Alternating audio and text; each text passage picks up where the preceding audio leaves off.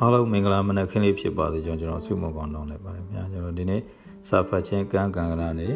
ကျွန်တော်ဒီနေ့ဆက်လက်ဖတ်ပြပေးမယ့်အကြောင်းအရာပါလဲဆိုတော့ဘဝမူဝါဒများချက်မှတ်ခြင်းโอเค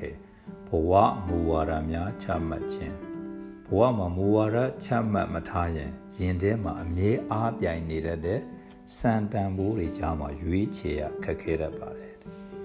အလုပ်ကိုပဲရွေးချယ်ရမှာလားမိသားစုအရေးကိုပဲအလေးပေးရမှာ ဝန်တန်းလုပ်ကိုပဲရွေးရမလားကိုယ်ပိုင်လုပ်ကိုပဲရွေးချယ်ရမလားစသည်အပြင်ဝီတော်ရီကြားမှာဆုံးဖြတ်ခက်ခက်ခဲတတ်ပါတယ်လူဘဝမှာမူဝါဒတွေချမှတ်မထားဘူးဆိုရင်ကျွန်တော်ရွေးချယ်တရားတွေကျုံလာတဲ့အခါမှာဘယ်ဟာကိုဦးစားပေးရွေးချယ်ရမလဲဆိုတာကျွန်တော်ခက်ခဲတတ်တယ်အဲ့တော့ကိုကကို့အနေနဲ့ဘာကိုတန်ဖိုးထားတာလဲမိသားစုကိုတန်ဖိုးထားတာလားအလုပ်ကိုတန်ဖိုးထားတာโอเคအလုပ်ကိုကိုကတန်ဖိုးထားရဲဆိုရင်မိသားစုကိုကျွန်တော်တို့ ကဗီယူမဆိုင်တာတွေဖြစ်တယ်ဒီကိုကမိသားစုကိုတန်ဖိုးထားရဆိုရင်လည်းအလုပ်ဘက်ကအလုပ်ကိုကျွန်တော်ဘာလဲဆိုရင်အလုပ်ကိုပြစ်ထားတာတွေရှိတယ်ကျွန်တော်ဆိုရင်ဟိုလွန်ခဲ့တဲ့တစ်နှစ်လောက်ကကျွန်တော်ကိုမှဘာမှကင်ဆာပြီးတော့ခွဲရတယ်အဲ့ချိန်တော့ကျွန်တော်ဆေးရုံမှာချိန်ပြေသွားနေရတယ်အဲကျွန်တော်အလုပ်ကိုပြည်ပြီးတော့အဲ့မှာသွားကျွန်တော်တန်ဖိုးထားပါတယ်ဆိုရင်ကိုမိသားစုကိုကျွန်တော်တန်ဖိုးထားအဲ့တော့ကျွန်တော်ကိုလည်းလိုအပ်တဲ့ရတယ်ကျွန်တော်အကုန်လုပ်ပြီး မစင်ရတာကျွန်တော်ကိုယ်တိုင်တန်ရှိရေးတွေပါလုပ်ပြီးအဲ့တော့ဘာလို့လဲဆိုရင်ကျွန်တော်တန်ဖိုးထားတဲ့ဟာကျွန်တော်မိသားစုဖြစ်အလုံးနဲ့မိသားစုနဲ့ရှင်ကျွန်တော်ကမိသားစုကိုပို့ပြီးတော့အရေးပေးရโอเคအဲ့တော့ဒီမှာနေရလို့လေခုနားထောင်နေလို့လေပါလဲဆိုရင်ကိုဘဝမှာဘယ်ဟာအရေးကြီးတာလဲဘာတွေကိုတန်ဖိုးထားလဲသိဖို့လိုတယ်နောက်တစ်ခုဆက်ပါမယ်ဆိုရင်ဒါကြောင့်ကိုယ့်ရဲ့တန်ဖိုးထားမှုတွေအချင်းချင်းအားပြိုင်လာရင် ဘယ်လိုအချိန်ခါမှာဘာကိုရွေးချယ်ရမလဲဆိုတာမူချမှတ်ထားဖို့လိုအပ်ပါတယ်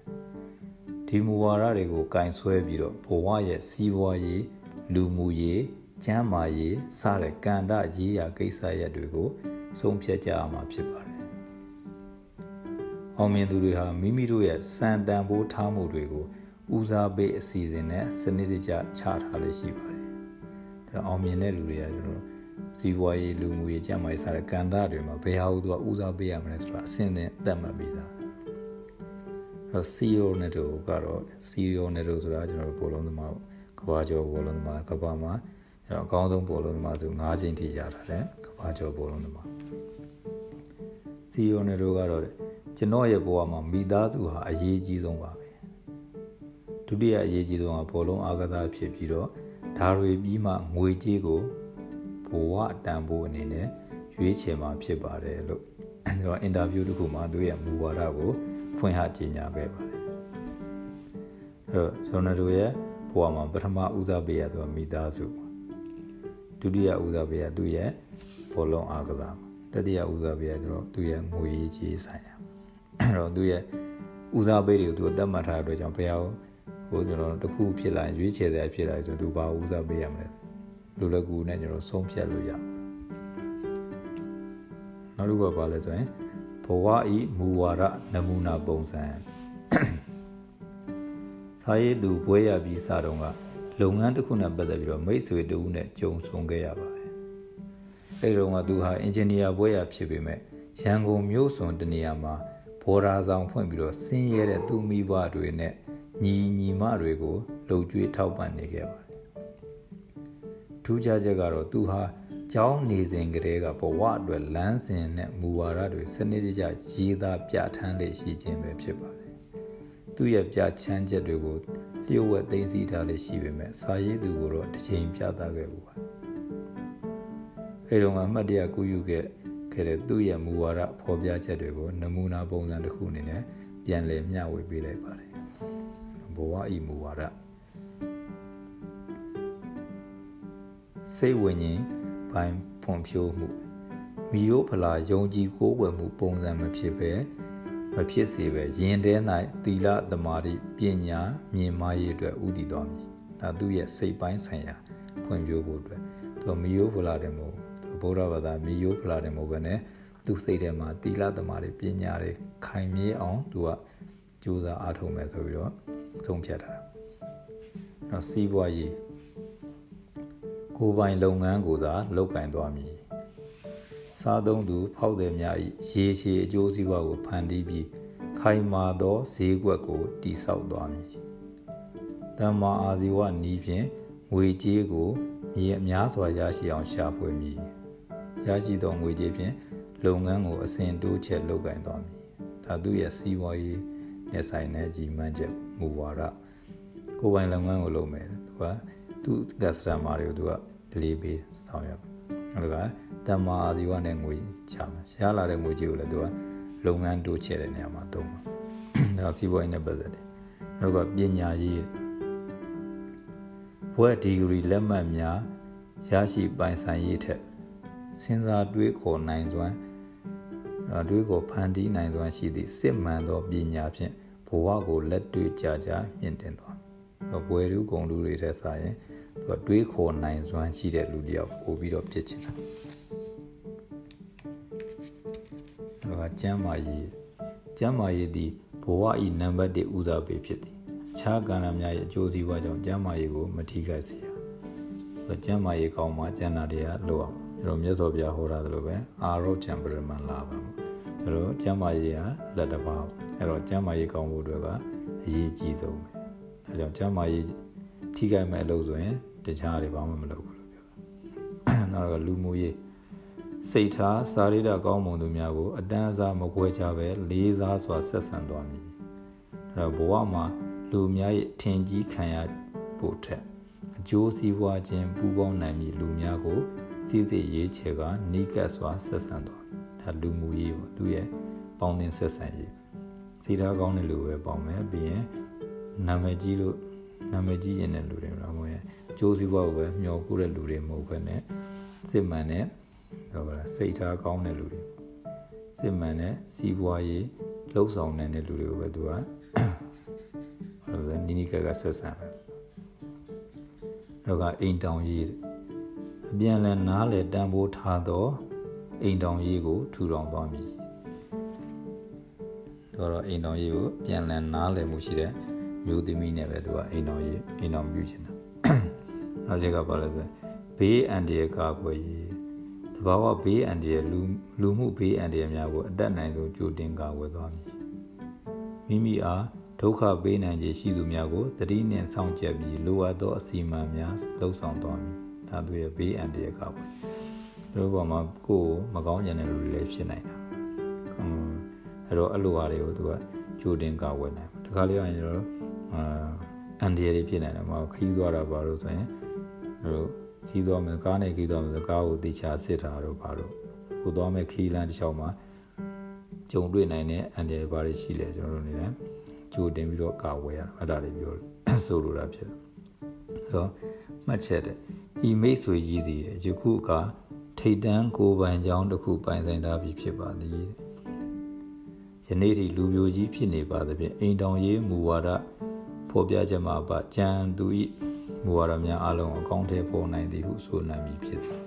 သူကြိတ်ပိုးခဲ့သောအမျိုးသမီးမှာလည်းယနေ့ကြော်ကြားအောင်မြင်နေသောအမျိုးသမီးအပြိုကြီးတဦးပင်ဖြစ်ပါသည်စာဖတ်သူများလည်းဤနမူနာဖော်ပြချက်များကိုမိညမ်းပြီးတော့မိမိနှင့်ကိုက်ညီသောမူဝါဒများကိုချမှတ်နိုင်သည်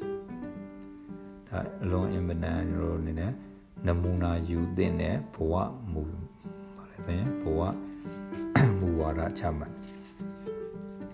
သူမှာဘာတွေရှိလဲစိတ်ပိုင်းဆိုင်ရာရှိတယ်နောက်ကစီးပွားရေးရှိတယ်နောက်ကပညာရေးလည်းရှိတယ်နောက်ကကျန်းမာရေးနဲ့ဆိုင်တာလည်းပါတယ်လူမှုရေးနဲ့ဆိုင်တာအိမ်တော်ရေးနဲ့ပါဆိုင်တာလည်းပါတယ်ဘေးအန္တရာယ်ကြိုတင်ကာဝယ်ရေးနဲ့လည်းဆိုင်ပါတယ်အဲ့တော့ကဏ္ဍမျိုးစုံတော့ပါပါတယ်အဲ့တော့ကျွန်တော်တို့လည်းဒီထဲမှာဘာတွေကိုအတွက်ယူလို့ရတယ်ယူလို့ရတာတွေကျွန်တော်တို့လည်းကိုယ့်ရဲ့မူဝါဒအနေနဲ့ချမှတ်လို့ရတယ်နောက်တို့ဆက်တော့မယ် Bruce Lee ဘဝကြီးညာစာတမ်း Personal Mission Statement Okay Bruce Lee ကကမ္ဘာနံပါတ်1ကိုခံပညာရှင်တဦးအဖြစ်ယနေ့ထိသတ်မှတ်ခြင်းခံထားရသူဖြစ်ပါတယ်။ Steven Seagal ကနံပါတ်10 Jackie Chan ကနံပါတ်9 Jet Li ကနံပါတ်4ဖြစ်ပါတယ်။ Bruce Lee 28နှစ်အရွယ်မှာလောကရန်ပေါင်းစုံနဲ့ရင်ဆိုင်ခဲ့ရပါတယ်ဘရုစ်လီယာဒီလောကရန်ကြောင်းကရုံထွက်နိုင်ဖို့အတွက် ယခုဖော်ပြလိုက်တဲ့ကဘာကျော်ဘဝကြီးညာစာရန်ကိုရေးသားပြီးတော့တန်ဋိဌံပြုခဲ့ပါတယ်1969ခုနှစ်နှစ်ဆန်းစာမှာရေးသားခဲ့ခြင်းဖြစ်ပါတယ်လောကရန်ကြာရုံထွက်နိုင်ဖို့အတွက်ဘုသူစီမှာတက်28နှစ်မှာလောကရန်နဲ့ပေါင်းစုံနေခြင်းဆိုင်ခဲ့လူဆိုတာကျွန်တော်တို့ကဒုက္ခတကူကြုံလာပြီဆိုရင်မှနာမပုံမှန်ပြောရင်ကျွန်တော်ဘဝနာမသူကပြောင်းလဲခြင်းတာပုံမှန်ဆိုရင် လူတွေကအေးသေးသက်တာတက်တောင့်တက်တာဆိုရင်ကျွန်တော်ပြောင်းလဲခြင်းသိမရှိကြဘူးဒါပေမဲ့ကိုဘဝတဖြည်းဖြည်းနားလာပြီဆိုရင်ကျွန်တော်ပြောင်းလဲခြင်းသိဖြစ်လာအဲ့တော့ဘုရုစီမှာလည်းဒီလိုလောကရန်ပေါင်းစနဲ့ရိုက်ခတ်တဲ့အတွက်ကြောင့်သူကပြောင်းလဲခြင်းသိတွေဖြစ်လာအဲ့တော့သူဘာလုပ်လဲဆိုရင်ဘဝကြီးညာစာရန်ကြီးလိုက်တယ်ကြီးညာစာရန်အပြည့်စုံကတော့နံပါတ်1ငါဘရုစ်လီငါဟာအမေရိကန်နိုင်ငံမှာကြေးအမြင့်ဆုံးအရှိတိုင်းမင်းသားဖြစ်ရမည် နံပါတ်2ဒီလိုဖြစ်လာဖို့အတွက်မင်းသားတအုပ်မှာရှိရမယ့်အမြင့်ဆုံးအရည်အသွေးအံ့ဩစရာစွမ်းဆောင်ချက်တွေနဲ့အကောင်းဆုံးဖြည့်ဆည်းပေးဆက်သွားမည်နံပါတ်3 1980ခုနှစ်မှာကဘာကျော်မင်းသားဖြစ်ရမည်1980ခုနှစ်မှာ US ဒေါ်လာ10သန်းပိုင်ဆိုင်ရမည်နံပါတ်4ငါဟာဟန်ချက်ညီတဲ့စိတ်ဝိညာဉ် inner harmony စစ်မှန်တဲ့ပျော်ရွှင်မှုတွေနဲ့ဘဝကိုရက်တည်နေထိုင်သွားမည်ဒီလေးရက်ကဘာလဲဆိုရင် Bruce Lee ရဲ့ကြီးညာစာရန်ဒီချက်ဒါရန်ကိုပါလို့ဆိုရင်စိတ်သက်ခွန်အားဖြစ်စရာကောင်းတဲ့ကြီးညာစာရန် Bruce Lee ရဲ့ကြီးညာစာရန်ကို ကြည့်မယ်ဆိုရင်အစိတ်အဓိကအပိုင်းအစိတ်အပိုင်း၄ခုပါဝင်ပါတယ်ပ ထမစာကြောင်းဘဝရဲ့အနာဂတ်အမြင်နဲ့ပန်းထိုင်သူကအမေရိကန်မှာသူအရှိတိုင်းဟာဘာလဲဆိုရင်ကြီးအမြင့်ဆုံးအရှိတိုင်းမင်းသားဖြစ်ရမယ်အဲ့ဒါကဘာလဲဆိုရင်သူ့ရဲ့အနာဂတ်အမြင်ပန်းတိုင်ပေါ့အနာဂတ်အမြင် fashion လို့လည်းခေါ်လို့ရနောက်တော့က goal လို့လည်းပြောလို့ရအဲ့ဒါပထမစာကြောင်းဒုတိယစာကြောင်းပါဘဝရဲ့ရည်ရွယ်ချက်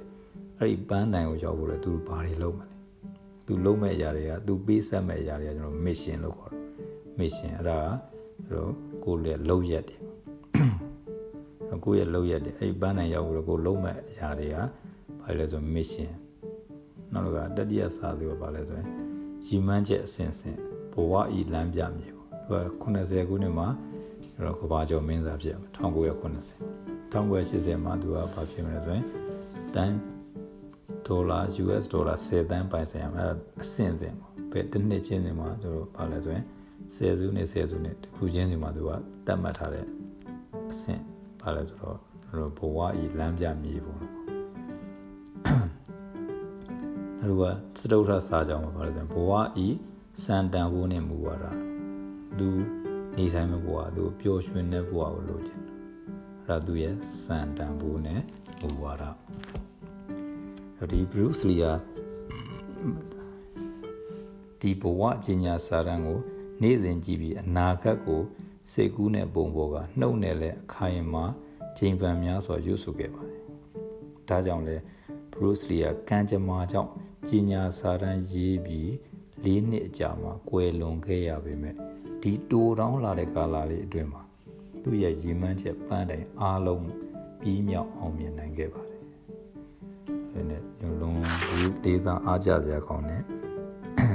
လူတယောက်ရပုံမှန်ချင်း Bruce Lee ရုံငယ်တော့အသေးဆွဲ Bruce Lee ဇက်ကားတွေဆိုရင်ဇက်ကားတိုင်းကျွန်တော်တော်တော်များများကြည့်ဘူး Bruce Lee ကိုရမ်းကြိုက်တာနော်သူ့ဘဝအကြောင်းဒီလိုသိတော့ကျွန်တော်ပို့ပြီးတော့မဖြစ်လဲဆိုရင်အာကိုကိုအားပို့ဖြစ်တယ်ဒီစာရန်ကိုကြည့်ပြီးတော့ကျွန်တော်တို့လည်းဘာလုပ်လို့ရလဲဆိုရင်ဒီကျင်ကစာဖတ်သူအနေနဲ့ Bruce Lee ရဲ့ကြီးညာစာရန်ကိုနမူနာယူပြီးတော့အနာဂတ်အမြင်နဲ့ပန်းတိုင်ရည်ရွယ်ချက်နဲ့မစ်ရှင်လမ်းပြမြေပုံစံတန်ဖိုးနဲ့မူဝါဒတွေပါဝင်တဲ့မိမိရဲ့ဘဝကြီးညာစာရန်ကိုရေးဆွဲအကောင့်ထည့်ဖို့ပါဒါကျွန်တော်လေ့ကျင့်ခံပေါ့ကျွန်တော်ကိုယ်တိုင်လုပ်ရမယ်ကျွန်တော်ဆိုရင်တော့ပါလဲဆိုရင်ကျွန်တော်ရဲ့ပန်းတိုင်ရပါလဲကျွန်တော်မြန်မာနိုင်ငံမှာအတော်ဆုံးအင်္ဂလိပ်စာဆရာတယောက်ဖြစ်ကျွန်တော်ဘယ်သူမှသိမပြောဘူးအတော်ဆုံးအင်္ဂလိပ်စာတယောက်ဖြစ် အင်္ဂလိပ်စာသင်တဲ့ဆရာတယောက်ဖြစ်နောက်ပါရှိတယ်ဆိုရင်ရဖြစ်ဖို့အတွက်ကျွန်တော်အများကြီးလေ့လာဖြစ်နိုင်တယ်များကျွန်တော်အများကြီးနေတိုင်းနေတိုင်းကျွန်တော်လေ့လာအဲ့ဒါကျွန်တော် mission ပေါ့အကောင်းဆုံးတရားတယောက်မှာရှိရမယ့်အရေးချင်းတွေအားလုံးကျွန်တော်ရှိအောင်ကြိုးစားပြီးကိုယ်ဆိုင်အကောင်းဆုံးကြိုးစားပြီးလုပ်ကြိုးစားပြီးတော့လေ့လာတဲ့တွေအများကြီးလေ့လာအဲဒါကျွန်တော် mission နောက်တစ်ခါတော့မှဘာជាဆိုရင်အဆင့်အဆင့်မှာ တစ်လတစ်နှစ်ငါးနှစ်စသည်ဖြင့်နှစ်အပိုင်းခြားတိုင်းမှာကျွန်တော်သတ်မှတ်ထားတဲ့အာရည်ရွယ်ချက်တွေရှိတယ်ဘဝမြေပုံပေါ့လမ်းပြမြေပုံကျွန်တော်မှရှိပြီအဲ့တော့ကျွန်တော်လိုရမယ်လမ်းကပို့ပြီးတော့ရှင်းပါကျွန်တော်လိုရမယ်လုပ်တွေကပို့ပြီးတော့ရှင်းပါအဲ့တော့စတုဒ္ဓသာကြောင့်ဘဝရဲ့စံတန်ဖိုးနေမှုအဲ့ဒါကျွန်တော်ပါလဲဆိုတော့ကျွန်တော်ကဒါအေးချမ်းချမ်းနဲ့တာရတဲ့ဘဝတည်ထောင်ချင် အဲ့တော့ကျွန်တော်အိမ်တော်ပြုမယ်ဆိုရင်လည်းကျွန်တော် ਨੇ live ဖက်တဲ့မျိုးသမီးတယောက်ကိုပဲကျွန်တော်ရွေးချယ်ပြီးတော့အိမ်တော်ပြုမှာအဲ့တော့ဒါပါလဲဆိုရင်ကျွန်တော်ရဲ့ကြီးညာစာတမ်းပေါ့ Bruce Lee လို့ပြောရင်တော့ကြီးညာစာတမ်းဒါကျွန်တော်ကြီးမှန်းချက်လောက်ထားတယ်တော့ဒီမှာရှိတယ်ကျွန်တော်လည်းနေတိုင်းအာ Bruce Lee လို့អော်ပြီးတော့ရုပ်ဆိုတာပေါ့ကျွန်တော်နေတိုင်းဘုရားရှိခိုးပြန်ဒါကိုကျွန်တော်အာယုံပြုပြီးတော့မြင်ရောက်နေတော့မျက်လုံးထဲမှာကျွန်တော်မြင်ရောက်ပြီးတော့လေ့ကျင့်တယ် အဲ့တော့ဒီမှာနားထောင်နေတဲ့လူတွေကျွန်တော်ကိုယ့်ရဲ့ဘဝကြီးညာစာရန်ပါလေဒီအစိပ်ပိုင်းလေးခုပထမစာကြောင်းမှာပါလေကိုယ့်ရဲ့အနာဂတ်မြင်ကိုယ့်ရဲ့ပန်းနိုင်ရပါအဲ့ပန်းနိုင်ရောက်ဖို့တော့ကိုယ်ဘာတွေလုပ်မလဲဘာတွေပေးဆက်ပြီးရင်တစ်နှစ်ချင်းဒါမှမဟုတ်9နှစ်တစ်နှစ်9နှစ်စသဖြင့်အဲ့ဒီကာလအတွင်းမှာကိုယ်ဘာတွေဖြစ်ရမလဲအဲ့တော့ကကိုတန်ဖိုးထားတဲ့ຢာတွေဘာတွေဖြစ်မလဲကဲအဲ့ဒါလေးကျွန်တော်ချရည်ကြည့်